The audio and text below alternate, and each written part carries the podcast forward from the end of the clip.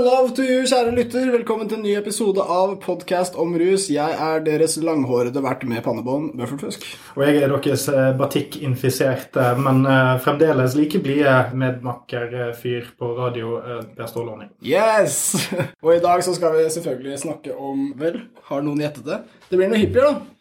Men vi skal egentlig ikke bare snakke om hippier, vi skal snakke om eh, myter, og vi skal snakke om psykedelika. Vi er tilbake på psykedelika-tippen. Og vi er tilbake igjen til denne denne eviglange reisen som hippiene har, fra å være skitne skogsalver til å plutselig ha på seg dress og ha hornbriller og begynne å uttale seg i media. Og så har vi heldigvis funnet noen som verken har dress eller hornbriller, eller dreads, faktisk. Vi har med oss fantastiske Anna Høyfødt i dag. Hallo, tusen takk for at du ville komme. Det er veldig veldig hyggelig. Takk for invitasjonen. Og vi tenkte vi skulle snakke om psykedelikakultur.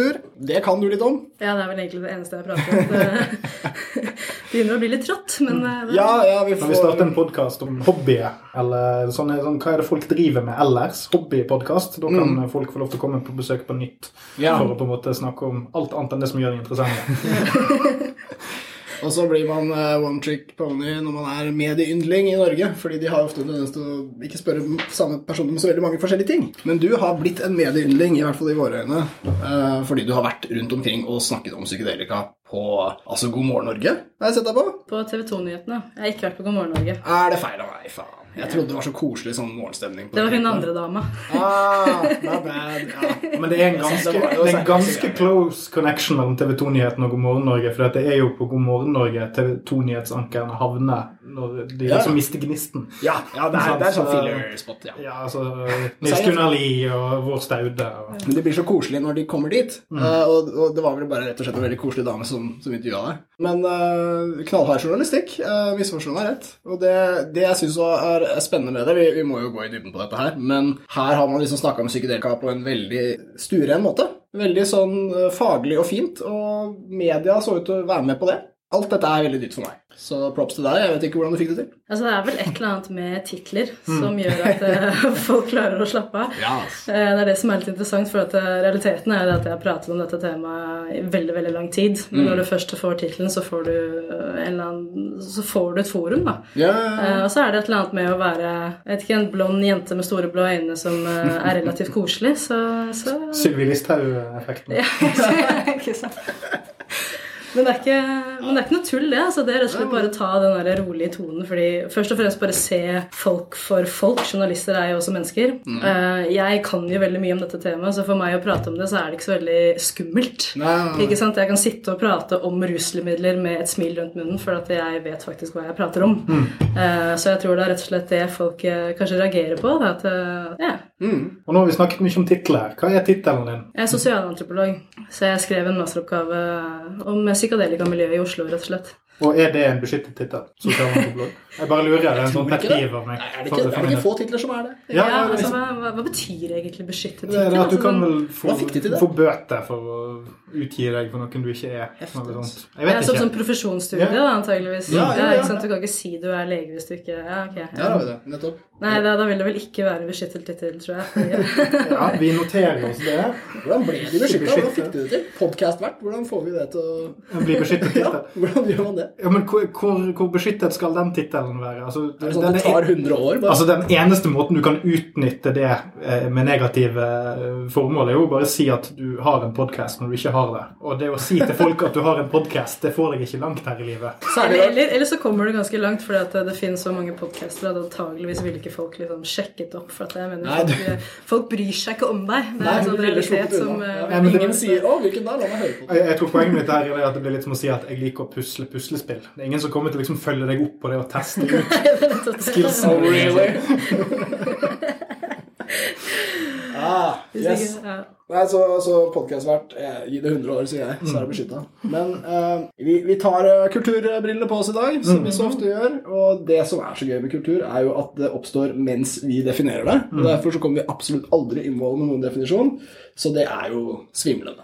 Ja, og jeg kan bare bite meg litt fast i det, f.eks. at du har vært på TV 2-nyhetene og ja. vært litt rundt omkring i litt mer anerkjente fora enn det vi vanligvis uh, blir utsatt for. Uh, så er det Det som fascinerte meg litt der, det var det vi var litt kort inne på, det er denne form, at det blir så formelt. og Det syns jeg er en sånn kulturutvikling som har skjedd. Ja. Med at med en gang det kommer noen med en tittel og som på en måte ikke passer helt inn i stereotypiene, da er det sånn Å ja, men da kan du få lov til å komme inn, vær så god. Nå, nå, ja, det blir så koselig å høre hva du har å si. Men har du, har du merket, merket du det noen gang på spørsmålene du fikk? eller sånn at Altså, Merket du at du på noen måte eh, slapp billigere unna enn du ville gjort hvis du hadde diskutert med noen som på en måte hadde en fiendtlig innstilling til det? Eller at det var noen spørsmål som kanskje ble litt på en måte fikk sagt mer enn du trodde du skulle si? eller? Jeg tror jeg, tror jeg har ganske flaks, for at eh, jeg Når det, når det kommer til masteren min og det, det, arbeidet jeg har gjort, da, så vil jeg si at timingen har vært ganske spot on. Ja, ja, ja. Psykedelika har jo blitt en tematikk som er liksom, populært å prate om, og flere og flere mennesker er litt innforstått med hva det dreier seg om også. Og det å skille liksom, psykadelika litt vekk fra andre typer rusmidler og Mm. være klar over at det fins en egen liksom, ruskultur knyttet til psykadelika. Så jeg tror nok at hadde jeg kommet ut med denne masteroppgaven for ti år siden, så kan det hende at det, spørsmålene hadde vært litt hardere. Nå skal jo jeg bare inn og kartlegge litt grann hva som skjer for journalistene, slik Ja, at de kan ta diskusjonen. Ja. Og, og som på en måte når du kommer fra akademia, så har du ikke noen politisk side, så du er rett og slett bare der for å, liksom, for å komme med faktaen. da. Ja, ja, ja. Eh, Så de kan jo ikke akkurat De kan jo ikke kjefte på meg mens jeg sitter der heller, når, når jeg tross alt er jeg som har skrevet en masteroppgave om det. De kan det. De, de kan det, men det blir liksom altså, Ja. det, det eneste som er med spørsmålene, er jo selvfølgelig at du må eh, Spørsmålene har jo masse Det er masse forutforståtte altså, Det er masse premisser til bunn for, for hvorfor de stiller de spørsmålene de stiller, og de premissene er ikke alltid nødvendigvis korrekte. Nei. Sånn at du får mye, du får mye dumme spørsmål, som du, og så har du et format hvor du egentlig har ikke sant, eh, 15 sekunder på deg å svare, og så skulle du gjerne bryte ut med det spørsmålet inn i fire deler, fordi at det er ganske mye å, å hente. da. Ja, og jeg, jeg tenker Akademia er sikkert et fint sted å komme fra, sånn sett. Men det som jeg også tenkte på når du sa det nå, det er at jeg vet ikke om de faktisk kjefta på folk før uh, i den rollen der. Men jeg har jo sett at f.eks. Willy Pedersen har sagt ting som har gitt dem litt bakoversveis og sånn. Men det jeg føler at når du, når du var på disse, disse sendingene, så føltes det som de virkelig var ivrige på å lære av deg. Altså det var sånn her, Hva burde vi som journalister på en måte si om dette her? Og så spurte de spørsmål som avslørte at de tror på myter og sånn. Men, men at de, de var i en litt sånn lærevillig posisjon, det er ikke jeg vant til å se mediene som. ass. Det kan også være som du sier at timingen var veldig god. da. Men jeg, Ja, det er, det er en annen debatt, og så er det også det at eh, jeg kommer jo La ta, ta TV 2-nyhetene, f.eks. Jeg kommer jo dit for at det er en eller annen journalist, gjerne en ung, ambisiøs, litt mm. nytenkende journalist som Ja. har lyst til å finne et eller annet juicy, ikke sant? Og så, og så Da har jo de faktisk satt seg inn i det. Sånn alle journalistene jeg har møtt, med, har jeg vært ganske eh, overrasket og begeistra over, over uh, hvor godt de har satt seg inn i det. Ja. Og jeg møter generelt nysgjerrighet en fordømmelse, egentlig. Mm. Uh, Og det tror jeg er fordi at eh, altså, psykadelika er litt annerledes. da. Mm. Det, det er ikke den samme gamle rusdebatten. eh, Og det er det det punktet som har skilt seg mest ut sånn sett da, innenfor denne båsen av eh, narkotika eller ulovlige rusmidler. Så det er kanskje det som er lettest å ha en sånn nysgjerrig tilnærming til. Ikke så mye rundt ikke, eller å, så spennende. Altså, det, det er kanskje ikke så mye dybde og, og, og estetikk eller hva å, å henge seg opp i. Men de avslører jo hele tiden at de tror på litt sånn myter og sånn, da. Men psykedelika har kanskje et mer positivt rykte i media enn de andre. Hvordan møter du myter fra journalistene? Hva er det de, hva er det de tror som, som er feil, for eksempel? Det tror jeg kanskje er noe En av de mytene som min masteroppgave tok litt tak i, som er kanskje grunnen til at jeg har fått litt oppmerksomhet, Ja. er, er hvem er det som bruker psykedelika? Ja. For det er jo noe av det jeg prater om. At jeg var veldig bevisst på å gå ut og skulle gjøre et feltarbeid, ikke på stereotypien, men faktisk finne ut liksom sånn hva, hva, hva er greia. For at det, de som har satt seg litt inn i det, har jo på en måte skjønt at, at psykadelika ikke er noe, ikke er noe fringe greie. Det er ikke bare psytrans-hippien mm. ute i skogen som bruker LSD. Nei. Så jeg skrev rett og slett en oppgave om forskjellige miljø som, som bryter med de stereotypene, som f.eks. Eh, hva skal man si, hvitsnippene eller blazer-folka, ikke sant, de høyt utdannede Nå er korset meg litt. da. ja, ikke sant? Jeg, jeg, sa, jeg sa et eller annet intervju så sa jeg tilsynelatende normale mennesker, og så fikk jeg masse PS etterpå. Hva faen er det du mener med at jeg er tilsynelatende en normal person? Så bare, nei, altså Det er ikke alltid du formulerer det så fint, da, men, Men du skjønner hva jeg mener. Ja, det er jo helt innenfor. Det finnes jo masse studier som viser at det er ingen av oss som er normale. Nei, det er ikke sånn. Så Og det fins ikke noe mer creepy enn en helt normal person. altså, sånn, hvis du tenker over det. Og så, og så tenker jeg Hvis du tar LSD sin historie, så kommer det på en måte fra hippiene, og så lekker vi liksom over i akademia med Timothy Leary og sånn, så er det akkurat som han ble hippie av det. eller noe sånt, Og så ble det hippienes domene liksom etter det. da. Men hvis du tar folk i dress eh, som henger på børsen, eller noe sånt, så de er vel ofte kjent for å kanskje foretrekke rusmidler som ikke gjør at du går så mye i dybden, da. Altså mer, Ja. mer fyll og kokain og, og litt sånn jeg må ikke si overfladisk. altså En, en sånn lett og fin, ledig livsstil der du ikke tenker så altfor mye over. det Men vi har jo, jeg har jo snakket en del med folk om det og, og ledd litt av det at, at veldig mange sier at I hvert fall med meg, da. Eh, veldig mange mennesker snakker med meg om rusmidler. fordi at eh, det er litt, det er litt enklere fordi at jeg kan prate om det fra, fra et annet perspektiv enn en de fleste andre. Ja. Og da sier de liksom sånne ting som Ja, nei, når jeg pensjonerer meg, og når jeg blir gammel, da skal Ja. jeg kjøre på og bruke masse LSD og Prøve, prøve alle rusmidlene, liksom, for da har jeg ikke noe å tape. Og da tenker jeg litt sånn jeg tror ikke du har lyst til å gå hele livet ditt og vente til du er 70 Nei. og liksom se tilbake til livet som børsmegler og du har Ja, ja, ja. ignorert kona di de siste 30 åra og du snakker ikke med sønnen din. Det er ikke tidspunktet du har lyst til å ta et sted, for da er du ganske garantert en bad trip, liksom. Veldig, veldig bra. da kan du like gjerne bare legge tauet klart. du begynner å trippe. Hvis du da skal begynne å ordne opp skiten din, så er det sånn ja, greit, ja. Det er da skal være masse innsikt. Hva gjorde jeg gærent? Først da. Det er et veldig kult poeng. Jeg har ikke tenkt på det. Det jeg har tenkt på, er derimot at det holdt på å si mer fysiske. Altså, Det er ikke psykedelika noe som er så fysi fysiologisk krevende at det sliter ut kroppen din eller noe. Men hvis du først skal liksom ta et stoff som får deg til å føle deg veldig rar, hvis, hvis det er effekten da, av psykedelika Noen sier det. Rar Så- kan jo være en definisjon, det. Altså, Ja, kan, uh, en underlig ny sanseopplevelse. Så, så har du den i en eldgammel kropp. Altså, jeg ville utvilsomt hatt eh, tanker om Jeg lurer på hvordan dette er i noen kropp. Eh, hvordan er det å, ikke ha vondt i ryggen og føle dette, f.eks.? Men jeg vil jo tippe altså, en av de tingene som faktisk gjør at du vil være litt farlig i hermetegn å ta det så gammelt, er jo det at eh, når du er så gammel, er jo at det mange beskriver med Nå, nå blir jeg sånn selvbevisst, for jeg sier psykedelika. Ja, istedenfor men det- psyka. Er, det- er det det, det, Psykedelika. Psykedelika. Det er veldig lett å falle i den vanen å si psykadelika. Ja, okay, men det er det- fordi man, for at når du sier det på engelsk, så er det den Ja, uh, psychedelic. Så du, du får den uh, ja, men uh, veldig bra power move, da. For uh, gammel røver som jeg blir jo satt veldig ut av det. Så det er bra vi fikk klaret opp i det. Men en av grunnene til at det er litt sånn Altså den utfordringen der er jo at da er man såpass satt at man kanskje ikke høster godene av denne den, altså tredimensjonaliteten. At man kan se ting fra forskjellige vinkler og oppleve en ny, nye perspektiver. Men eh, det jeg lurte på, var om, om det hadde vært en slags sånn eh, Man har en sånn krysspollinering litt om at folk snakker veldig mye om mental helse. Samt, altså det er mange flere som er åpne om at de er deprimerte og tar eh, medisiner for det. Ja. Samtidig som det er en økning av, av folk som snakker om uh, psykedelikabruk på en eh, Styggen på ryggen ble på hit, og Ja. psykedelika ble populært. Ja, og samtidig som at dette ikke er, det er jo ikke fysisk farlig. Det er jo en av de tingene som man tar opp. Man kan ikke dø av overdose på disse tingene, men du kan få psykose under gitte omstendigheter og sånn. Jeg bare lurte på om kanskje det har altså At det er en sånn at vi bare Som du snakket om, at du var veldig heldig med timingen. Og at alle, all disse debattene på en måte converger på et tidspunkt. Ja, ja, men det er nettopp det. altså Psykedelikadebatten er noe annet Mm. enn den rusdebatten vi har generelt. Og her handler det ikke om Mm. overdosestrategier eller sprøyterom eller ikke sant. Det er, vi er jo noe inne på prestasjonsdomenet, da, men, Mm. eh, men, men generelt så har folk fått med seg at psykadelika for de fleste handler om noe annet enn eh, virkelighetsflukt og fortrengelse av Mm. eh, dårlige følelser. Sånn at eh, jeg, jeg kommer inn i en litt annen debatt, og det, Mm. det er jeg egentlig veldig veldig glad for. For jeg har møtt overraskende lite motstand. Mm. Men det er nesten så jeg gleder meg litt til å bli invitert til en debatt hvor jeg faktisk kan diskutere det her med noen. For jeg, jeg sliter litt med å finne meningsmotstanderne, være helt ærlig. som, er, eh, som er absurd når du, når du har blitt kjent som psykedelikadama. Jeg, ville- jeg tenkte at jobben min ville være bitte litt mer utfordrende enn det har vært. da. Men eh, det jeg stusser litt på, er om det kanskje kan være litt pga. måten media fungerer på nå.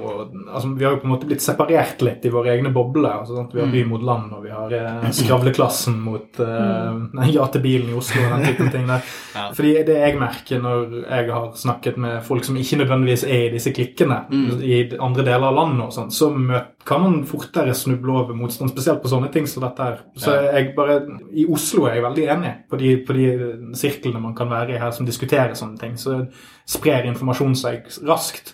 ja. Eh, Og det er jo også positivt at det da sprer seg gjennom mediene og ut til resten av landet, men jeg er litt usikker på hvordan samtalene er rundt omkring. Har du noe inntrykk av hvordan det funker? Nei, altså, jeg, jeg, Sånn jeg, følte det her var en litt sånn en oppfordring til å dra på turné. Ja, Ja. Eh, ja, hvis du hadde noen erfaringer så bør du ikke ha så bør du Nei, det, det er veldig godt poeng. Jeg har ikke tatt eh, tampen på resten av landet. Det har jeg absolutt ikke. Nå har jeg gjort feltarbeid i Oslo, og jeg er jo fra Oslo, jeg bor i Oslo, jeg jobber i Oslo. Så det, det er et veldig godt poeng. Mm. Det, det vet jeg vet lett ikke hvordan det fungerer. Det føles litt med psykadelika som om enten så har du på en måte ikke satt deg inn i det i det hele tatt, mm. og du, du Ja, ja, det er heroin og LSD, det er det på narkotikalisten, og, og på en måte er helt blank, eller så har du fått litt nyss om denne tematikken, og så har du havna inn i et eller annet kaninhull, og så har du sett alle YouTube-filmene. ikke sant? Det, er- det, det er veldig få som havner på den derre mellomtingen. da. Mm, ja, og desto mer eh, ære til deg for å være med på medier som er riksdekkende, fordi det trengs jo helt åpenbart.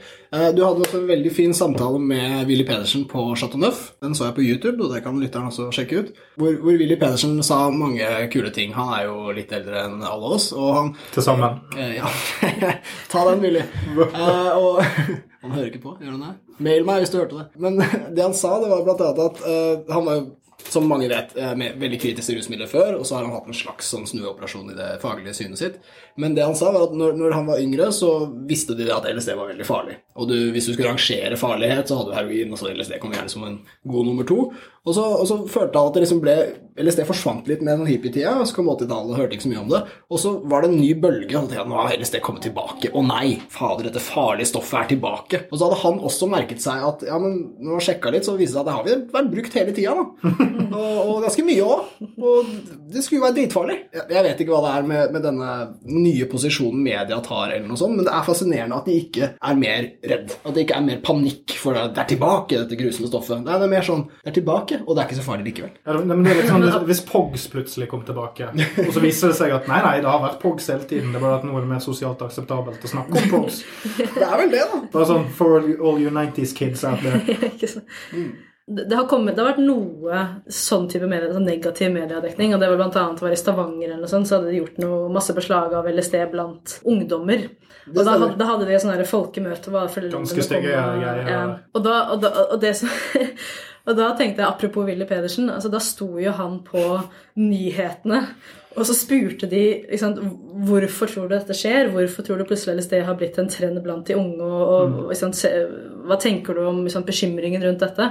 Og nå, nå husker jeg ikke ordrett hva han sa, men, men litt sånn det jeg leste, da, eller det jeg, det jeg fikk ut av det, var at hans svar var at ungdommen i dag har mer kunnskap om rusmidler og tar kanskje bedre valg enn sine foreldre. Ja. Og derfor bruker de psykedelika ofte istedenfor alkohol. Ja. Og det var bare sånn det at Willy Pedersen står på nyhetene altså, jeg, husker, jeg husker jeg satt i stua og, og, og hadde sånn det.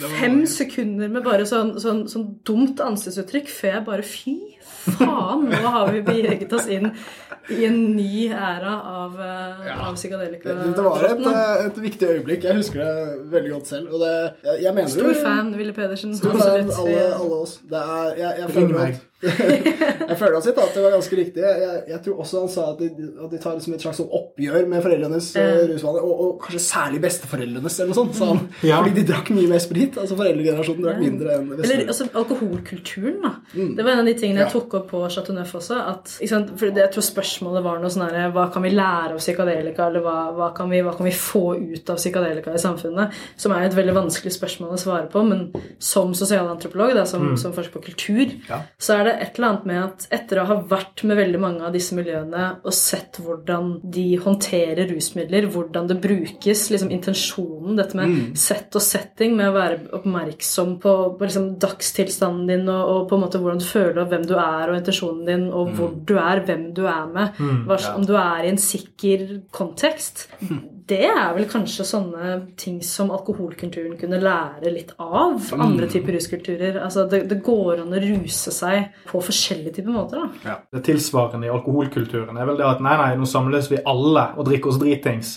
Og så må vi huske mens vi er dritings at vi er nødt til å passe oss for å bli voldtatt på veien hjem. sånn, sånn alle, alle sånn konsekvensting. Det, er sånn, det skal ikke du ha tenkt på før du er dritings. Ja. Det du får du står i det. Men det er også sånn, jeg, jeg syns alkohol ofte brukes som en ansvarsfraskrivelse. altså sånn, man, man ruser seg fordi det er helg, og sånne ting, og så bruker man det veldig veldig mye. Men, eh, og, og da er det jo mer alkohol du drikker, jo lettere blir det på en måte å bruke det som ansvarsfraskrivelse. Der vil jo psykedelika skille seg veldig ut. Du vil ikke kunne gi mer faen jo mer LSD du tar. Og så må du Eh, nei. ta ganske Altså du må ta ansvar for Ja. hva du driver med når du turer, da, er mitt Ja. eh, inntrykk. Det Eh, sånn. Fordi at du, du blir eh, kanskje møtt med en del eh, virkelighet istedenfor eh, at du klarer å flykte fra det. Ja. Så det er vel, eh, det er vel noe der. Ja, sant? Du har ikke lyst til å være han fyren som bader på akvariet i Bergen fordi at pingvinene ble litt vel relaterbare den dagen. sant? Det, du, du, må, du kan ikke bare gjøre det på første turen, liksom. Du må gjøre det litt, litt lenger ut. Eller fordi du, du, du får på en måte hele evolusjonen spilt foran dere øynene om hvor, hvor dere liksom skilte. Så Dere gikk fra å fly, og så begynte dere å svømme, og så kom det landlevende folk og tok dere vekk fra vannet. Og nå er dere her i et akvarium. Det kan bli ganske hvis guruen din er buret inne, så er det liksom Det kan bli en tøff dag, da. Men det, det, som er, det som er litt interessant da, med denne samtalen, så som er noe vi går ut ifra nå, og, og som jeg syns er veldig behagelig i en sånn her type setting eh, å komme til dere fra Podcast om rus, som jeg for øvrig hører masse på. Jeg er stor fan, og jeg syns dere gjør en dritbra jobb. Um, det er jo det at eh, jeg kan faktisk sette meg ned og snakke om dette og tenke at det er enkelte ting som er innforstått ved lytterne. da. Ja. Eh, At vi har på en måte kommet til et visst punkt i debatten hvor du trenger ikke å, å ta en sånn derre 20 minutters runde på, på alt det basice, for, ja. for at folk har liksom fått med seg greia. Ja. Og da kan du begynne å komme inn på de ordentlig interessante diskusjonene. da. ja, veldig Og det, det er der jeg håper liksom debatten videre, i hvert fall for min del i offentligheten, vil, vil gå. Jeg, jeg tror en av grunnene til det er det at når du begynner å få eksempel en podkast som har 60 episoder, eller en blogg som har så og så mange poster om et tema Hvis du da bare snubler innom det og hører på det for første gang, eller leser om det for første gang, så skjønner du at hm, hvis jeg ikke skjønner noe nå, så kan jeg kanskje bla meg litt bakover. Det er liksom, det er ikke, det er ikke de, som, eh, de som eh, lager dette som er problemet, det er kanskje det at jeg ikke vet nok. Mens det hadde man ikke sånn kanskje for sånn seks-sju år siden. når Ja. dette var, Den norske debatten var ganske laber. Mm. tror jeg er noe av fordelen. Og det at mainstreamen begynner å catche opp. også. Ja, en ting jeg lurer på er, altså, Jeg tror jo det er et problem for forskningen at disse tingene er forbudt. Det, det vet man egentlig ikke så veldig mye om hvor mye forskningen rammes av det forbudet. Men ja, vi kan jo se det på Canada og sånne land hvor de plutselig får det helt lovlig med weed nå, f.eks. Så kanskje de forsker litt også. Det kan jo ha kommet mye bra forskning internasjonalt de siste årene. Det har jo, så vidt jeg vet, gjort det på noen ting, som terapi med sopp og MDMA og sånn. Er det noe norsk psykedelikaforskning som er verdt å nevne? Vi har jo nevnt Willy Pedersen, eh, som ja, han har skrevet om cannabis i hvert fall. Han har jo startet opp et nytt prosjekt om psykadelikabrukere. Men altså, ja, det, det pågår. Eh, problemet er jo det at det er, det er veldig mange eh, ringer du skal hoppe gjennom for å, for å få lov til å forske på disse substansene, selvfølgelig i Norge også. Selv om debatten har endret seg og, og vi snakker mer om psykadelika, så betyr ikke det at lovverket har endret seg. Så Nei. det er selvfølgelig veldig vanskelig å forske på psykadelika i Norge. Mm, veldig ulovlig. det, veldig, ja, det, det fins noen grupper som jobber med det, bl.a. Uh, Syforsk, altså PSY-forsk, yeah. nede i Moss, som, uh, som uh, har noen prosjekter som de venter på de siste autorisasjonene. Mm. Bl.a. Uh, psilocybin, altså virkestoff i, i uh, sopp for eh, behandlingsresistent depresjon. Mm. Og det, det har vi jo sett internasjonalt mye bra forskning på virker veldig veldig lovende, så det, det er veldig gleder jeg meg til å se resultatet av. Og så har du eh, Du har altså en forsker på, på Universitetet i Oslo som forsker på DMT og 5-MeO-DMT, men det er da mer sånn grunnforskning, så, så påvirkningen av disse substansene på cellenivå. Også en fantastisk interessant eh, forsker som, eh, som jeg har fått gleden av å bli personlig kjent med. Kult. Men utenom det, altså du har jo eksempel, altså det har jo åpnet opp ketaminklinikker i Oslo. Ja. Eh, Mm. Axon-klinikken for eksempel, Lowen Stewart. Ikke på Bjerke travbane, men eh, som, som, driver med, med, som allerede driver med behandling av depresjon med ketamin. Ja. Så- Så det skjer jo ting. Definitivt det skjer ting. Og, og, og jeg vet på en måte mer enn jeg kan si, og det er litt sånn frustrerende. Men, men eh, i løpet neste, ja.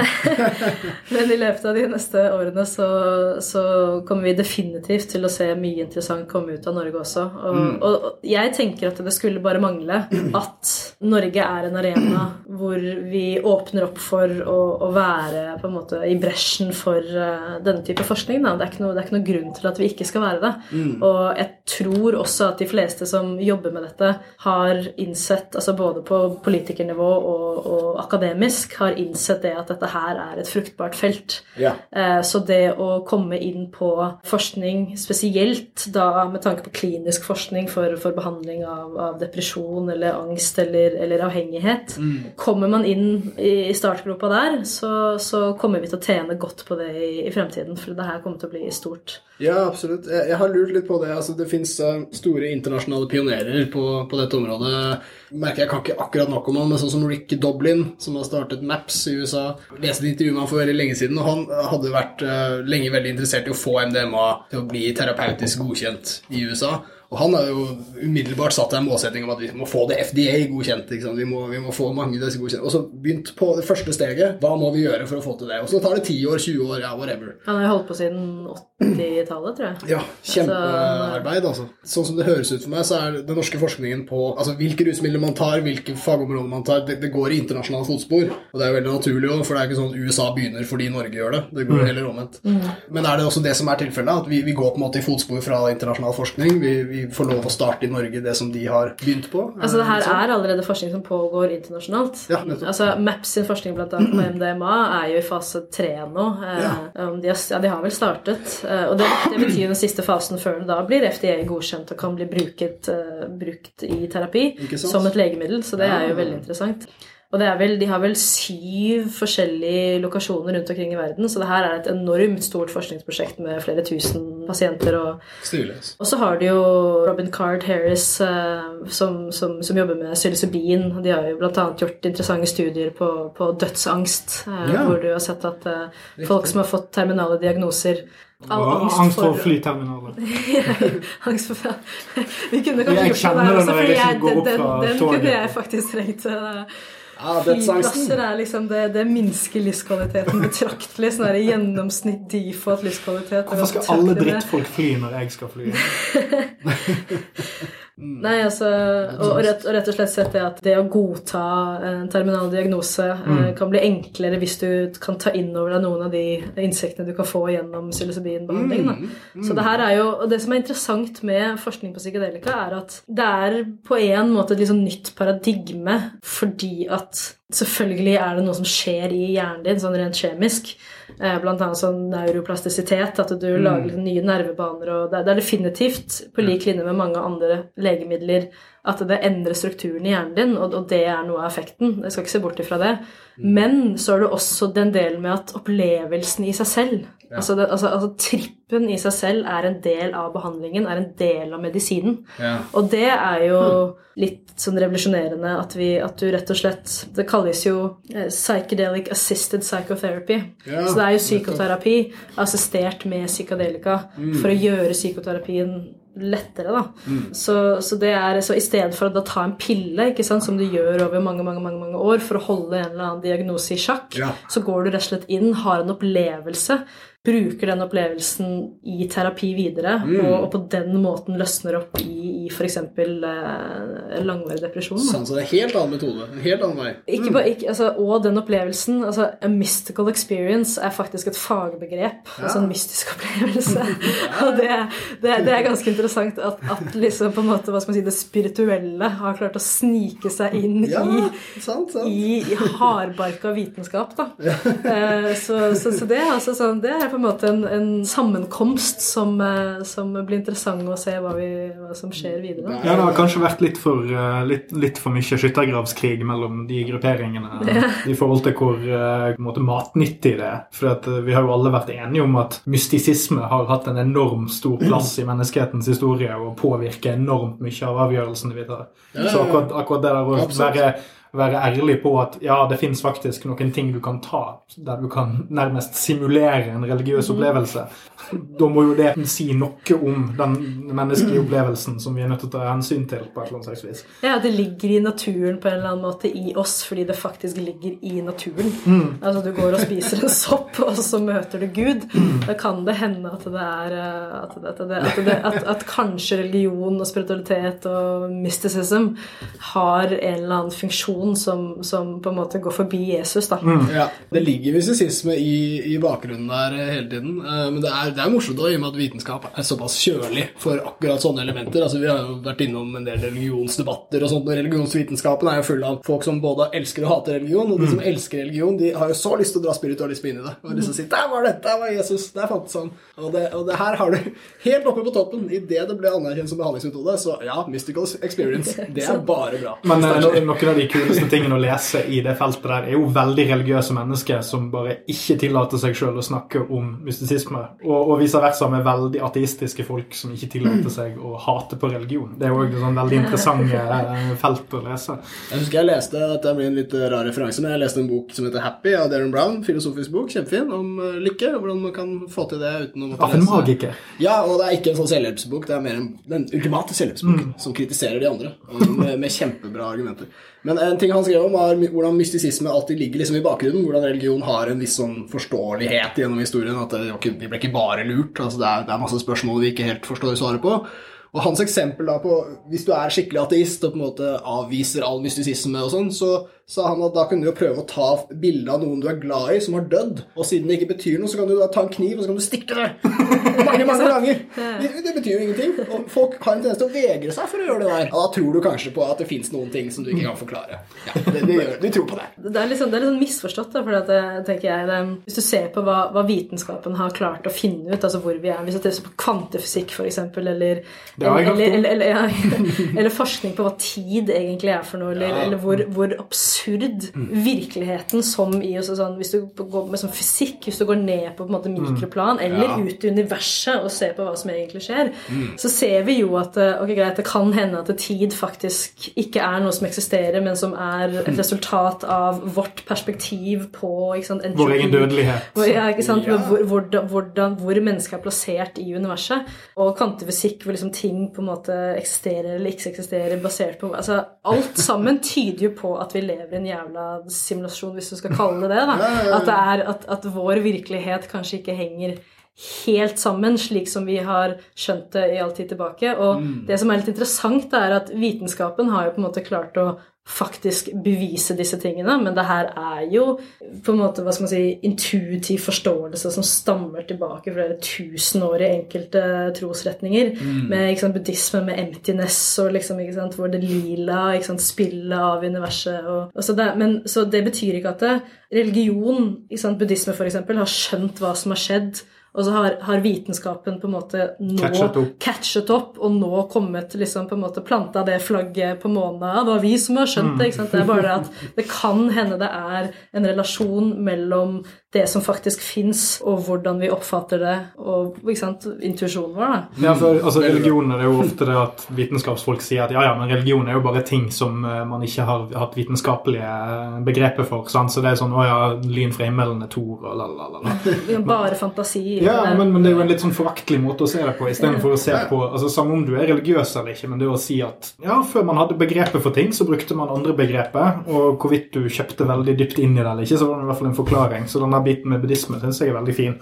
Uavhengig av om du er troende på den måten eller ikke, så kan man jo definitivt se at dette har vært eh, verktøy, både for godt og ondt, eh, opp gjennom tidene, for å liksom sette Ha noen knagger og henge noen opplevelser på som er, er veldig menneskelige, men som vi ikke har noe som helst begrepet til å liksom, beskrive skikkelig, så da blir det transcendens eller whatever. Ja.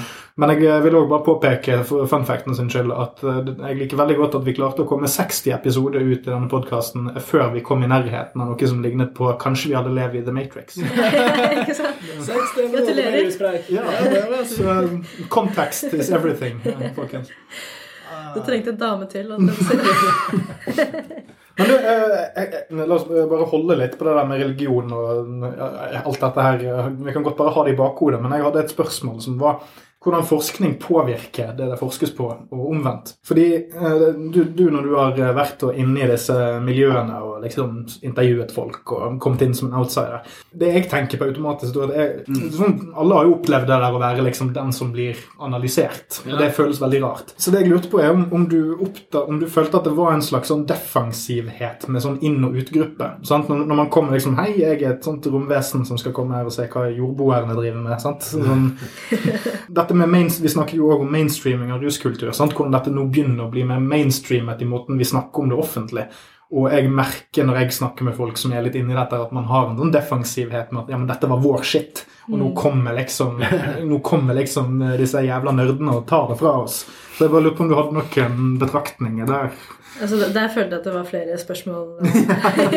det er mange. Det, det, er sånn, det er sånn denne podkasten funker. Bare ta, ta, det du følte var mest. Uh, altså For det første så var det interessant akkurat det med for at det, Starten av spørsmålet følte jeg handlet litt om det å gjøre et feltarbeid på noen. Altså, du kan godt begynne der. det, det å faktisk komme inn og For det, den antropologiske metoden, altså kvalitativ metode, er rett og slett bare Vi kaller det også deep hanging out. Mm. Det er på en måte nice. slangordet for hva vi driver med. For det, det er jo du må rett og slett bare infiltrere et miljø, og så må du bare invitere deg med på skitt. Og så må du bare bli jævlig godt kjent med folk over mm. lang tid mm. for å faktisk kunne forklare hva de driver med, og deres verdensperspektiv litt sånn fra innsiden. Da. Altså mm. litt go native, som vi kaller det på fagspråket. Altså det å miste seg selv litt inn i, inn i, det folk driver med, for å kunne forklare det. Så, så Det er litt som å være sånn eh, fake gamer girl. Ja, ja, ikke sant. Det er det jeg tenker på som ordentlig sosialantropolog. Altså, du skal bo to år i skauen med den stammen. Det er først da du forstår den. Da skjønner du paringsritualet. Først da.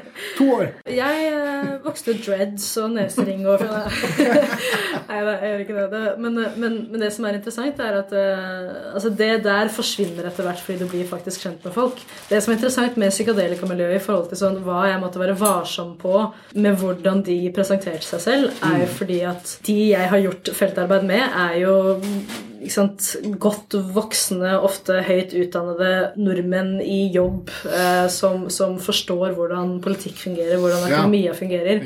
Så det jeg måtte passe meg på, er, er, å ikke altså rett og slett ikke ende opp med å skrive en oppgave som er basert på den f.eks. politiske argumentet de har lyst til å fremme. Mm. At, eh, at, å gjøre et, et feltarbeid uh, som, som, som, ikke ender opp med å bli deres stemme i politisk forstand. Da. Og det andre delen av spørsmålet var mer sånn Inn- og utgrupper. Inn- og utgrupper, fordi det, det som er veldig interessant, er at jeg møtte veldig mange forskjellige typer miljø.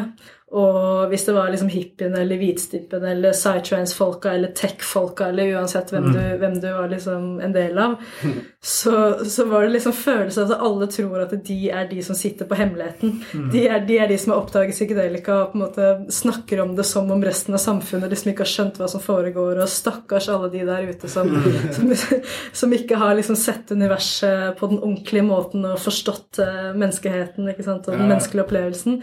Mens realiteten er at de alle sammen snakker om akkurat den samme er sånn, de er menneskelige alle sammen, og de har hatt en opplevelse som er fantastiske, og det har resultert i veldig mye positivt, men, men de er alle sammen bare mennesker. Men de skjønner ikke hverandre. Det er det som er litt interessant. Ja, Jeg, jeg, altså, syns dette er veldig spennende. For å dra det litt tilbake til det dere snakket om i stad med religion og, og sånne ting. altså religion tok jo munnen full når det kom til svar og sånn gjennom historien. Og så kommer det vitenskapelige metoder liksom drassende etter hvert og er mye, mye kjøligere enn en disse gode, gamle filosofiske eller religiøse tankene hvor du ofte hadde et svar òg, da. Litt sånn dårlig filosofi. sånn sett. Men, men vitenskapelig metode er jo falsifiserende. Dette er jo det som gjør den så kjølig og trist, og det er det eneste vi har, by the way. Vitenskapelig metode er liksom det beste vi har laget. Og den kan ikke verifisere noen ting, den kan bare falsifisere. Den kan si hva som ikke er. Så da er det lett å se på religion og si liksom, ja, men det er bare tøv. Uh, men det er sikkert masse svar vi ikke har funnet uh, likevel, som religion i hvert fall ga et slags forsøk på. Når du snakker om disse ulike brukerne, hvorav noen jeg, Hvis du tar gruppen hippier, så, eller stereotypen hippier, så har de kanskje en mer religiøs tilnærming, mer spørsmål, kanskje også svar. Så ville du kanskje tenkt at disse streitingene, eller noe sånt, da, folk med dress, børs, whatever, at de kanskje ikke var så gira på den men jeg husker Willy Pedersen sa det i denne samtalen deres òg, at liksom, disse brukerne er veldig ulike. Du kan dele psykedelika-gjengen i to, streit og hippie eller noe sånt. da. Og de, de, de får liksom det samme ut av det. De sier at den opplevelsen de, Når du spør den enkelte hva fikk du ut av dette, så ligner historien veldig mye. Det handler om dybde, det handler om perspektiv, det handler om store spørsmål, plassering av seg selv i universet og sånne ting. Hvordan Er, det, er psykedelika bindeleddet mellom alle disse folka? Er det det at vi bare alle er en del av det samme? Har vi de samme spørsmålene, de samme svarene vi søker? Er psykedelika svaret på alle verdens problemer? Er det det? Det- Av og til ser det litt sånn ut. Det ser ikke ut til å løse alt, da. Det, det som er interessant, altså, Historien til de fleste jeg har snakket med, er, er veldig lik. Men det betyr ikke altså, Det som kanskje kan sette disse gruppene for å, for å snu litt på det, da, sette Ja. disse gruppene litt opp mot hverandre igjen, er det at vi har forskjellig språk å forklare virkeligheten vår med. Ja.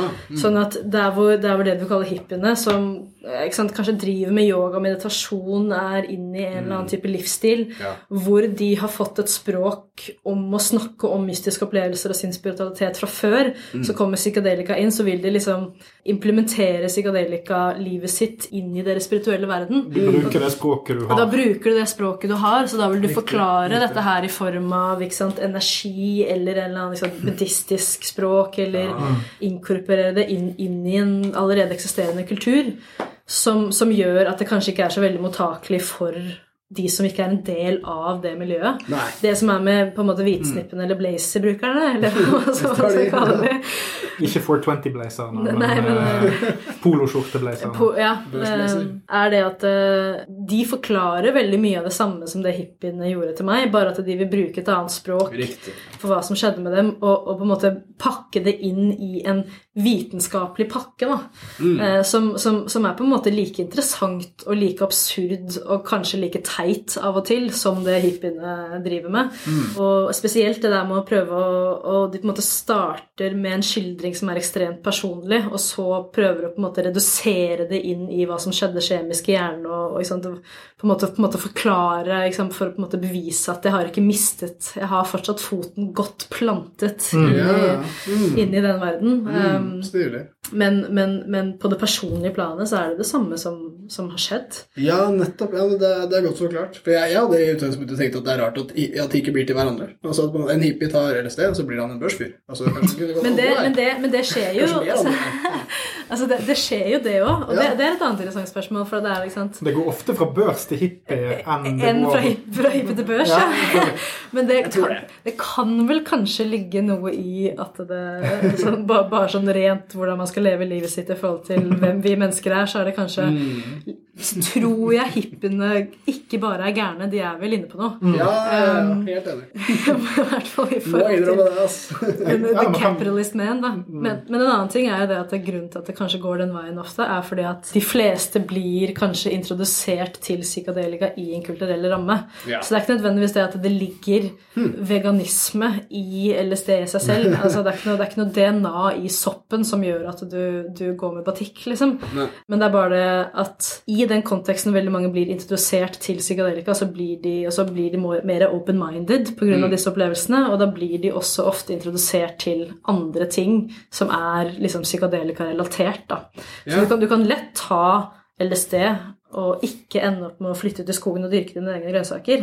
Det, jeg har veldig mange eksempler på at det er mulig. Ja. Men det er bare det at du blir kanskje introdusert til økologi eller liksom, alternative livsstiler, til meditasjon, til andre former for bevissthetsendring og, og ting som kanskje kan tjene deg på en eller annen måte i konteksten av psykadelikabruk. Ja, veldig stilig. Altså, hvis vi tar et eksempel, apropos at vi snakker om kultur og ting endrer seg og sånn. Altså, veganisme er jo blitt mer utbredt. Eh, Det er jo en ekstrem eh, innstilling. Da klarer man å sette etikk foran estetikk i en veldig heftig grad. Så du kan Men, du kaller estetikk? estetikk? Eller, eh, ja, jeg gjør det, da. Ja. eller, eller er kuene, altså beitemarkene Å ja. sånn ja nei, for, for brukeren, for kjøttspiseren. Ja. Hans estetikk. Hennes. Hens. Eh, men kjøttspising altså Hvis du tar eh, De som tok LSD, de ble kanskje ikke veganere av å ta LSD. Men hvis vi da lever i en tid der kjøttspising har fått en slags kulturell posisjon, og tar vi mer stilling til den og tenker vi mer på om det er bra etisk rundt det, så, så vil det jo kanskje være naturlig at hvis man da tar et stoff som får deg til å tenke mer over liksom store ting og sammenhenger og sånn, så er jo naturlige konsekvensen i 2019, i den kulturen vi er, at man da kanskje spiser litt mindre kjøtt. Og heller, altså, mer, heller det enn mer, da. Du tar LSD, og så bare blir du en skikkelig kjøtteter og driter i miljøet etterpå. Det, det ville vært rarere. Det handler jo for meg om, om sammenhenger og perspektiv. Da er det naturlig at man kutter kjøttforbruket. Ja, for det er ikke nok uh, psykedelikabrukere i Norge til å forklare hvorfor MDG har gått så mye fram. Nei, det er jo flere som stemmer på de. Ja, Eh, Eller er det det? Ja, oh. Du er hjertelig velkommen tilbake igjen Ja til bilen i konspira- Oslo har rett. konspirasjonsepisoden vår. Ja til bilen i Oslo. Det var- 100 av norsk viser seg at, viser seg at eh, Eivind Tredal er kingpin i en sånn, sånn eh, psilocybin-ring. Så du, du, du jobber på børsen hele ditt liv, så tar du LSD, så fortsetter du å jobbe på børsen, men du begynner å bli sympatisk for MDG. Ja. Kanskje du stemmer på de. Det er små endringer, eh, men de er ofte personlige. Ja, men Det er litt sånn artig det der at alle har en liten hippie inni seg som du bare må ma mate litt. Du har mer en liten hippie inni deg enn en liten børsmegler. Ja, nei, nei, jeg tror de aller fleste av oss har en liten børsmegler òg. Det, ja, for den lille børsmegleren er han som sier når, når du leser et eller annet i avisen som du misliker sånn her eh, Nå skal eh, denne svenske barnehagen eh, fjerne kjønnspronomen for alle barna. Det, det er han lille børsmegleren som sier Nei, vet du hva! Nå har det gått for langt! Og så blar de hardt om på neste side og fnyser. Det er en sånn- Eller så kan det hende at vi alle sammen har en liten børsmegler inni oss, bare at det er veldig få av oss som er psykopatiske nok til å gjennomføre det oppdraget der. Det Vi har det ikke i oss. Det å finne, finne liksom sitt livskall i det og, og bare flytte andres penger rundt. Jeg liker disse stereotypiske så ytterpunktene. Jeg har både hippie og børsmegler oppi det huet her, altså, skal jeg love deg. Ja, ja, men det er kanskje det moderne nå når vi har fjernet oss. Vi har blitt et veldig sekulært samfunn. Sant? Så nå, nå har vi erstattet engelen og djevelen på skulderen med en liten hippie og en liten børsmegler. Og så er de to som snakker med oss i løpet av dagen. Det er, det er jo fare for at det blir mye snakk om disse hippiene, og det er jo noe vi har snakka om i podkasten vår før, fordi de er en fascinerende gjeng, og vi sa jo også i stad at vi kanskje, kanskje jeg er innpå noe. Ja, for det, det er litt sånn syndebukk-greier. Du kan liksom hive alle syndene dine på hippiene og så Ja, og de- hive de på sjøen. De var på en måte viktige og kanskje mektige før, og så i dag er det få som kaller seg det, og så er det veldig lett å gjøre litt narr av. Litt sånn som ortodokse jøder og sånt. og, så, og så kan du litt gjøre narr av dem, for det virker som hippiene har det ganske bra. Ja, de Så det er, liksom, det, er ikke, det er ikke en gjeng du på en måte mobber på den måten, fordi det, det virker som det går greit. da. Men gå inn på det. sparker ikke nødvendigvis nedover. Ikke sant? Så lenge du er usikker på om du sparker nedover, så kan du sparke, tror jeg. Men, uh, men det jeg lurer på, er hvorfor vi har akkurat den stereotypiske altså, Når jeg sier hippie, så har jeg et klart bilde i hodet med en gang. De har langt hår, de kanskje ikke lukter så godt, de, de bryr seg om uh, grønnsaker, kan nevne veldig Lage sin egen yoghurt. Hva, hva er, hvor, hvorfor endte vi opp med akkurat den, og hvorfor er det fortsatt 70-tallshippien jeg beskriver? og, og, og sånn da? Blir man, Vi har allerede vært inne på at man ikke blir nødvendigvis hippie av å ta det. Hvorfor er jeg fortsatt den gamle stereotypien? Hva, med de nyfrelste hippiene? Hva med de nye generasjonene? liksom? Altså, jeg, for jeg tenker at akkurat det ordet er nyfrelst Ja. er kanskje litt uh, en faktor som du må ta inn i bildet her. Ja, okay. Og det, det i hvert fall fra min side har jeg sett også litt sånn med, med, med yogamiljø eller, eller Mm. liksom andre, andre miljøer som, som havner i hippiesfæren, Ja. er det at, og spesielt med psykadelika, er det at du har disse nyfrelste, og det er mennesker som, som nettopp har begynt å bruke det, eller som, eller som har brukt det over en periode på kanskje ett-to år, eller et eller annet sånt.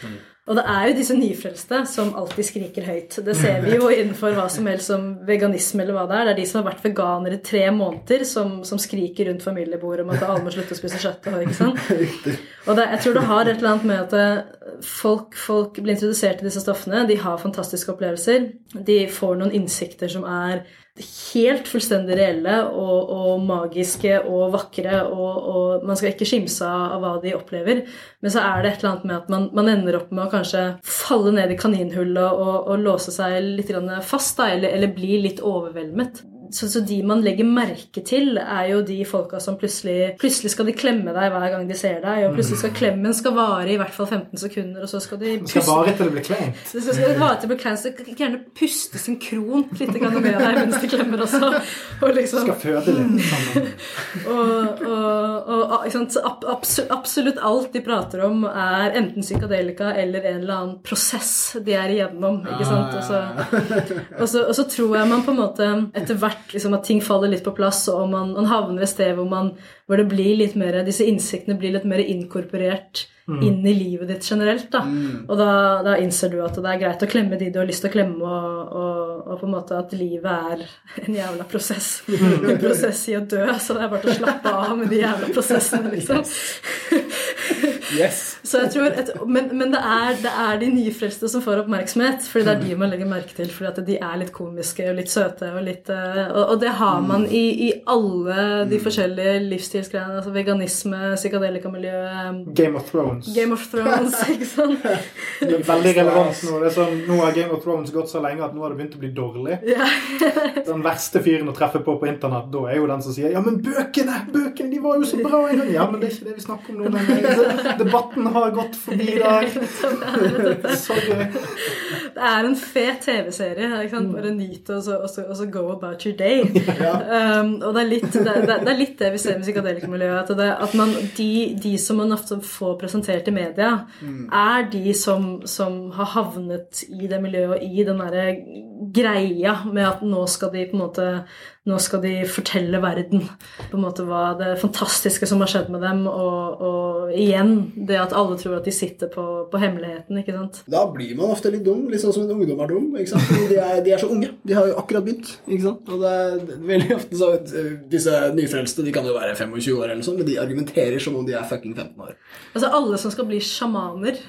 For det, Og veldig dagsaktuelt. Ja, aktuelt. fordi, fordi veldig mange som jeg har pratet med Altså, jeg har møtt mange psykadelikabrukere. Altså, det, det her var ikke bare under feltet. Hvor mange trommeslagere har du møtt? Trommeslagere? Ja, altså i- Ja, det er faktisk noe på det. Altså. Ja, det, skal ikke, det, ikke, det skal ikke skimse For det er òg en sånn stereotypi at du med en gang du begynner å ta litt psykedelika, så er det sånn tromming. Det er Ja, altså sånn på en måte djem, ja, sånne djember, ja. ja, ikke sant? Eller at du kjøper en hang drum eller et eller annet sånt. Men, eh, men det er, jeg, har, jeg har til og med blitt spurt dette av noen Jeg har lyst til å gå inn i Altså jeg har lyst til å gå inn i retningen av å hjelpe folk med psykadelika. Jeg har funnet mitt kall. Ja. Um, jeg har også fått veldig mange henvendelser av e-poster og sånne type ting hvor folk liksom Ja, jeg, had, jeg tok ayahuasca, jeg var på en retreat, og nå har jeg tenkt å si opp jobben min og skrive en bok for at det, den opplevelsen jeg hadde, var så ekstrem at dette her er noe verden trenger å, å få vite. Og da er som regel svaret mitt at don't quit your day job, liksom. Yeah, Eh, for at det, det, det la, la på en måte dette integreres og, og lande litt, fordi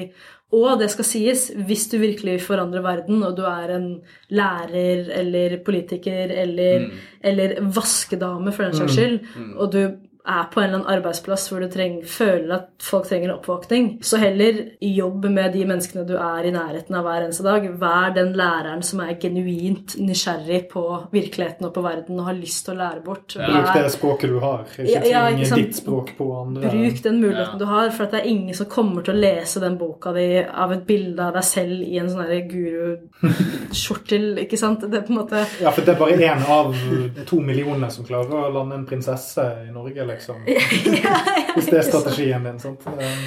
Det- det, så, så det er rett og slett eh, Ja, nei, det, er interessant. Og, og, og så, altså, nå gjør jeg litt narr av folk, og, men altså, Nei, nei, nei. Altså, ikke misforstå. Jeg, jeg har full respekt for folk sin, sin oppvåkning, eller hva man skal kalle det. Ja, ja, ja. Jeg, jeg står helt på den siden av at det er genuint, og det er vakkert, og folk har en reell innsikt. Men uh, det er litt gøy, da. Og det, og det forblir litt sånn irriterende personlig. Ikke sant? Ja. Det blir aldri helt sånn allment, den der fantastiske kvelden du hadde, eller whatever. Ja, den burde verden få dele, men det blir ikke så lett. Nei, for De tingene du, du snakket om nå, jeg lurer på om det kanskje var et av de 14 spørsmålene jeg stilte samtidig i sted. Eh, om, om du, Disse folkene som mener at de har funnet sannheten og er litt sånn nyfrelst og sånn, merker du da som forsker en slags proteksjonisme der? At, at de skal ha sånn eierskap til narrativet sitt, hvis du skjønner? Eh, For Journalister er jo veldig ofte ute for det der hvis man Hvem skal styre hvem her? Hvem er det som har hånden på rattet? Altså, jeg, jeg tenker at det først og fremst har med at disse opplevelsene er ekte. Uansett om du Hvis du har hatt en mystisk opplevelse, om det kom av å gå i kirken eller gå i skogen eller gjøre yoga eller spille basket eller ta et rusmiddel, uansett hva det er Hvis du har møtt Gud, la oss si, eller en eller annen maskinalv som har tegnet virkeligheten foran deg, uansett hvordan du har kommet frem til den opplevelsen, så har du faen meg hatt den opplevelsen. Og, det er, og det er reelt, da. Og det har forandret livene til folk. Eh, Så jeg tror at folk er veldig De, de er beskyttet for det at, at dette her er ekte for dem. Og det må man ta seriøst, og det er der, kanskje der de liksom på en måte vil styre diskusjonen litt. grann, Ikke sant? Med at, med også, med også hev, hev, må de finne en eller annen måte å Finne en eller annen måte å få autens, aut, altså, Autentisitet? aut, autentisitet. Der er den. Jeg vet ikke. Det hadde satt langt inne. Jeg sliter med litt sånn eh, samme type ord som eh, kompartmentalisere. Kompart... Er Kompartmentalisere. jeg har veldig lyst til å bruke det ordet. bokseshit. Ja, ja. Eller er det det det betyr? Putte ting i bokser. Ja. Putte ting i bokser, ja.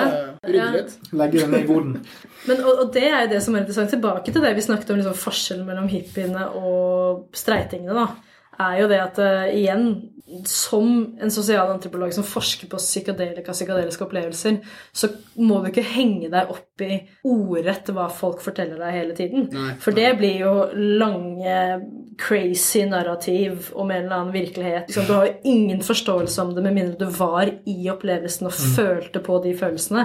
Du, må, du må på en måte prøve å skildre hva er det de prøver å fortelle deg. Hva ligger liksom mellom linjene av den crazy historien når de gikk gjennom skogen og møtte Gud og så, ikke sant. Så Hva er elementene som er i spillet her? ja, ja, altså det, det, du må på en måte det er, det er et begrep i antropologi som heter resonans, som jeg liker veldig godt. Som er liksom Altså, jeg jobber innenfor noe som heter fenomenologi også. Som, yeah. Jeg er på en måte, hva skal man si, hippien innenfor sosialantropologi. Og yeah. sosialantropologi er allerede hippiene innenfor akademia. Så jeg er litt sånn langt ute på utekanten av hva som er greit, da. Ja, for sånn Historikerne, det, det er litt mer børsmeglerne. Ja, eller statsviterne, for den saks skyld. Ap- Apropos komp... Ja, komp Hvem kom, kom, På engelsk er det compartmentalization. Ja. Bokser inn i bokser inn i bokser. Men, men ordet resonans betyr rett og slett eh, det er, et, det er en eller annen mellommenneskelig altså Vi kan kalle det vibe da, på, Ja. på, på folkespråket. Eh, det, er en, det er en vib, det er en sånn mellommenneskelig sånn, sånn følelse av sånn informasjon som skjer i møte mellom to mennesker, som, som også kan brukes som en form for data. Mm. Rett og slett, og du, det er derfor det, er derfor det å lese en tekst om noens psykadelisk opplevelse, og det å være med dem ute i skogen f.eks. når de opplever det, Ja. da får du to forskjellige former for informasjon. Ja, Det er jo akkurat det som de, de liksom eh, hard sciences sliter med å kvantifisere. Og, og statsvitenskap, for den saks skyld. Eller, altså, sånn, alle de som på en måte påberoper seg den mest ekstreme formen for vitenskapelighet, sliter veldig med å sette rett og slett kalde fakta på bordet når det gjelder menneskelig opplevelse. Og altså denne komboen av hva skjedde rent fysisk? Altså, vi var i en skog, det var masse fint lys der. og så tok vi en ting som gjorde at det lyset var bare helt sinnssykt fint. Det, det er litt vanskelig å liksom Ikke sant? Og så sa han noe som ikke kan på greip i det hele tatt, og så gikk vi hjem. Altså det, du, du må på en måte skildre historien Ja, ja, ja. mer enn det. da. Ja, det skal bety noe, det er det som ikke kan på greip. Det er viktig, det. Ja, for jeg, jeg har jo eksempel hørt folk som på psykedelika som sier sånn at det som plager meg med stereotypiene om psykedelikabrukere, de skjønner ikke at den tingen jeg sier nå, henger på greip. Men det gjør du hvis du tar det. Ja. Eh, At det er en intern koherens der. Selv om du ikke skjønner den sjøl, så er det et eller annet som føles riktig. Eh, som kan virke veldig parodisk når du står utenfor og aldri har opplevd det før. Og Det synes jeg har gått og tenkt på lenge etterpå. Det, det høres ut som en ganske kul forklaring på hvordan det føles. og den er litt sånn Sånn, det å føle seg eh, på en måte weird når man snakker med folk som ikke har peiling på det, eller forskere, eller whatever. Men det her er jo eller, Det hadde en litt, litt, litt sånn fin oppsummering av masteroppgaven min, egentlig. altså Masteroppgaven min heter The Value of Experience. Ja. eh, som, som, som rett og slett handler om det at eh, hvis du skal forstå den psykadeliske opplevelsen og disse menneskene og hvordan kulturen på en måte blomstrer ut ifra disse opplevelsene, så må man forstå det at verdien ligger i å erfare eh, disse nye perspektivene. Ja. Ikke intellektuelt forstå det. altså Du kan Nei, forklare smart. til noen sånn her Ja, vi er alle én fra samme stamtre, eller vi er bygd av det samme stjernestøvet, eller du, kan, du, kan, du kan intellektuelt forstå noe av konseptene de kommer med, men det er en annen ting å faktisk har følt på at egoet ditt ikke ender ved huden din, men ender i skogen du går i. Ja. Ja, Eh, Den, den, den opplevelsen, altså sånn the value of experience, liksom. Mm, ja, men, og, og all props til forskere som, som prøver å altså, Det var en veldig fin forklaring, og, og på noe som ellers er uh, veldig vanskelig. Det har alltid frustrert meg litt med psykedelika, altså kanskje rusmidler generelt, men særlig det, det er nesten som man ikke skjønner det før man tar det. Og det, det, er liksom, det, det vil jo ikke funke. Altså, det blir som en religion du ikke forstår hva de gjør, før du blir døpt. Eller noe sånt. Altså, Du må inn i det for å Og du kan ikke ta erfaringen din tilbake. Så, så det å, å intellektuelt forstå disse ekstremt subjektive og, og viktige fortellingene, det, det er et kjempeprosjekt. Det blir jo litt som å forstå galskap. Ja, men Eller, eller, å finne, altså, finne hva eller, som eller forelskelse. det. Det er en helt annen ting å lese poesi og være forelsket. Ja, sant. og det blir litt i forhold til forskning òg, da. Det blir litt, altså skal, skal En poet som aldri har vært forelsket, skal skrive kjærlighetsdikt. Ja. Blir antageligvis Hans Olav Lahlum skal skrive Godt kjærlighetsdikt. poeng. godt Ja, det, poeng. det er ja. på en måte Litt erfaring gjør seg. Ja. Jeg merker det når du sier Og det. ordet objektivitet er jo bare et, et tufsete begrep. Ja. Det vil jeg ikke så rett og slett er Det er så jævla fett. Kjølige greier. men, men selvfølgelig, jeg har jo aldri brukt narkotika. Det, det, må, Nei, jo- det- det må jeg jo bare selvfølgelig si. Nei, her det viktigste er jo at man har tatt de som eh, gjør det på alvor. Ja. Okay. Men du kan jo bli Jeg er en kriminell god bare fordi lytter. Det er det sånn jeg havnet der. Må ikke bli kriminell bare fordi du snakker med dem. Men sånn før vi runder av, så vil jeg bare påpeke, det, siden vi har vært veldig mye inne på det med religion og, psykedelika og sånt, så vil jeg si at til tross for alle likhetene i måten vi beskriver det på, Mm. tror jeg er en veldig radikal forskjell, altså som f.eks. at man ikke kan skjønne en religion før man er døpt sjøl. Ja. Eh, om det er en ting man merker når man hø har hørt en del religiøse folk snakke, er at de er jo ikke enige om hva. Det er jo 1400 forskjellige tolkninger innenfor bare den samme greinen av kristendom, f.eks. Mm. Og eh, at man eh, sant, altså Norske protestanter er jo ikke enig med amerikanske baptister om noe som helst omtrent. Sant? Så, sånne type ting. Mm. Og at folk òg ender opp med å miste troen og gå ut. Sant? Fordi at en langvarig prosess å bygge opp en tro, du må få det inn med morsmelken, holdt det på å si, eller du må være inne i kulturen. Men med en gang du begynner å skjønne kulturen, så kan du steppe litt ut av det. Men du kan aldri steppe ut av en religiøs uh, psykedelika-opplevelse du har opplevd en gang, fordi at du vet akkurat hva som skjedde. Det, var ikke, det var ikke løgn. Du kan, aldri, du kan aldri ha den mistanken om at dette ikke skjedde i hjernen min. Den kan du ikke ha. Så du vil alltid ha en slags, på slutten av dagen, faktabasert sånn 'dette skjedde', punktum. Som jeg syns er litt interessant. Eh, Et skille jeg har leitet litt etter. Jeg har lyst til å referere til den legendariske norske psykiateren Jan Greve, som fikk sparken på 70-tallet fordi han var den eneste psykiateren som insisterte på at uh, skal man behandle folk med LSD, så burde også behandleren ta LSD. For han sa det. Mye bedre forskning. Voldsomt mye bedre resultater med en gang. Mye bedre forståelse av disse pasientene umiddelbart. Litt verre forskningsnotater. Akkurat det var nok hans kolleger trolig enig i. At du forstår dem kanskje bedre, men burde du likevel ta LSD når du er en eh, psykolog? Ja. Han fikk jo sparken, da. men jeg tror han var inne på noe, og jeg tror uh, mange av hippiene kanskje er det også. Og dessverre er erfaringen det som på en måte veier mest. Det som, Ja, men- det som vil gjøre at du Men, men ville de samme forskerne stått like hardt på kravet om, om liksom sånn at Jane Goodall ikke skulle tatt seg en banan sammen med apekattene? Det blir å gå for langt inn i apens eh, Eller, eller at den, bare for å ta det enda nærmere, da, en alkoholforsker ikke hadde, aldri, skal aldri ha drukket alkohol. Det er jo ingen, det er jo ingen forskere altså Ingen ville forventet det Nei, av sant, det. forsker. Det er veldig sant. Ja. Altså, for det, ville jo vært altså, sånn, Skulle du ha bodd under en stein da, helt til du plutselig kom ut med ph.d.-en din? liksom? Kun Altså, avholdsfolk kan forske på alkohol. Det høres ikke riktig Og da vil jo en del folk som er glad i å ta seg en øl på puben etter arbeidsdag, si sånn Ja, men det var jo litt rart. Er du sikker på at du kan være så kritisk når du aldri har vært ja, eller, eller så absurd som at hvis altså, altså, du, kan, du kan granulere det her til det, til det ekstreme i evigheter. Da, okay? Så absolutt alle forskere som forsker på heterofile mennesker av et eller annet slag, må være homofile. Sånn at, sånn at liksom absolutt all tematikk som du forsker på hvor det finnes heterofile mennesker, så må du ha homofile forskere. Altså, sånn, det blir på en måte hvor, hvor, hvor skal det her ende, da? Jeg tenker at istedenfor å tenke at fravær av erfaring er objektivitet, Ja. så kan vi heller ta vår egen subjektivitet inn i betraktning Mm. og gjøre det om til en variabel i forskningen vår. Ja. Du må rett og slett gjøre subjektiviteten din tilgjengelig. Mm. Og det er noe der jeg vil slå et slag for sosialantropologi, hvor vi er litt flinke. For at vi, vi, vi er bare ærlige på at forskeren er verktøyet. Og derfor så må du skildre deg selv, være oppmerksom på deg selv, følge deg selv gjennom prosessen fra før i forskningsarbeidet og etterpå. Hvordan har jeg mitt mening, meningsdannelse forandret seg? Og, så, og så da kan den som leser forskningen, ta din subjektivitet inn i betraktning som en variabel på hva de leser for noe. Og det, det, det blir på en måte den eneste den Bruker dere begrepet 'gone native'? Go native er, altså, I native er egentlig altså, du, du skal egentlig ikke go native. Nei, For, det, jeg for, for, da, for da er du plutselig gift og har barn med en eller annen stammedame. ikke sant? Altså, sånn. For. Eh, men, eh, men jeg husker vi hadde jo på, på, på universitetet så har vi hatt fag som har handlet om sånn derre Hva gjør du hvis du ender opp med å ligge med informantene dine og sånne type ting? For, at, det, for at det er sånn Ok, du, du, du bruker et år av livet ditt Mm. på å, å, å omgjenge deg med mennesker. Du blir jo glad i disse menneskene. Mm. Eh, Du, mange av informantene mine er jo gode venner av meg i dag i dag. Og sånn, sånn blir det jo bare. Ja, ikke sant. Du deler en reise sammen, og Mm. ja. Ja, det faget bør finnes. Det er mennesker, dette her. Jeg pleier å kalle det egentlig, så egentlig så er det sånn Det er glorifisert journalistikk med metode. på en måte. Altså sånn, vi, har, vi har en hardere metode enn en journalistikken, og vi opererer i en mye lengre tidsperiode. Men det er på en eller annen måte egentlig bare litt glorifisert journalistikk. hvis jeg skal Ja, være ja, ja, men det er kult. Altså, dette begrepet deep hanging, eller hva for noe? Altså, hva, hva var det? Uh, husker jeg? Deep hanging out. Ja, deep hanging. Så Ja. deep hanging? Jeg prøvde å si Deep deep hanging. Teabagging, var det ikke det? Nei, men det, det, det syns jeg er et veldig kult begrep. Det er det vi alltid gjør her på Podcast Rus. Vi bare henger sykt dypt.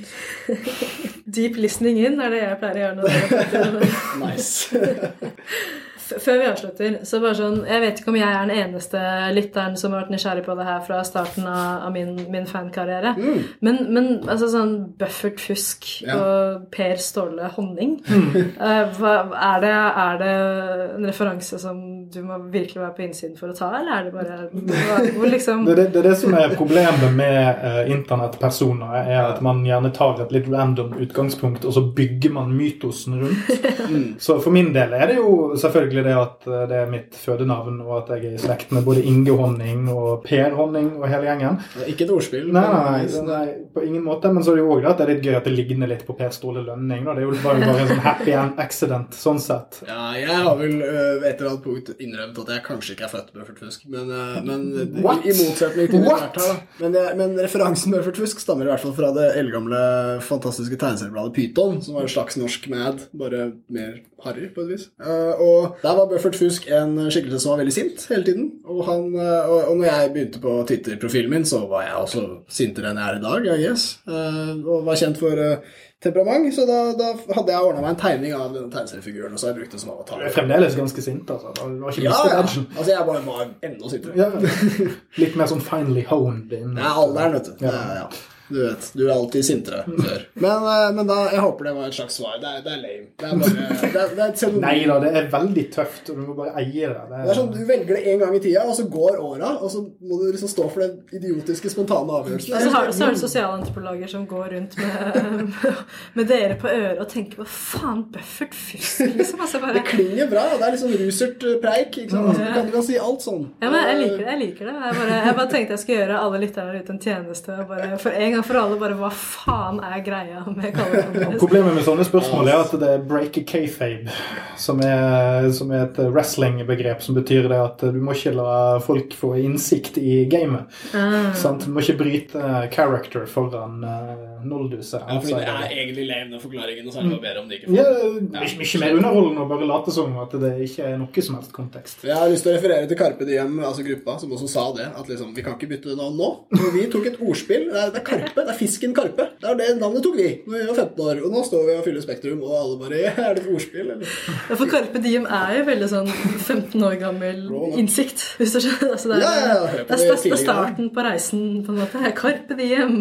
Ja, grip, eh, grip fisken. Som òg igjen er en veldig 15 år gammel opposisjonell gutt. ting å gjøre. Men eh, tusen takk til vår eh, fantastiske gjest. Ja. Eh, og takk for at du bidro til den beste episoden vi har hatt noensinne. I hvert fall med gjest. Så suck it, de av gjestene våre som fremdeles hører på denne podkasten. Ja, dere må nesten bare søke det litt. Grann. Skjerpe dere og komme på besøk igjen. Ja, men det var kult. Yes. Takk til dere, og fortsett med det dere driver med. Takk Ja. Eh. Dritfett å ha deg her. Tusen hjertelig takk for oss. Og alle opposisjonelle 15 år gamle gutter der ute som tror dere har innsett alt, vi ser dere. Akkurat nå. Alle vet hvordan du er nå. Det er pinlig. Snakkes. Takk for oss.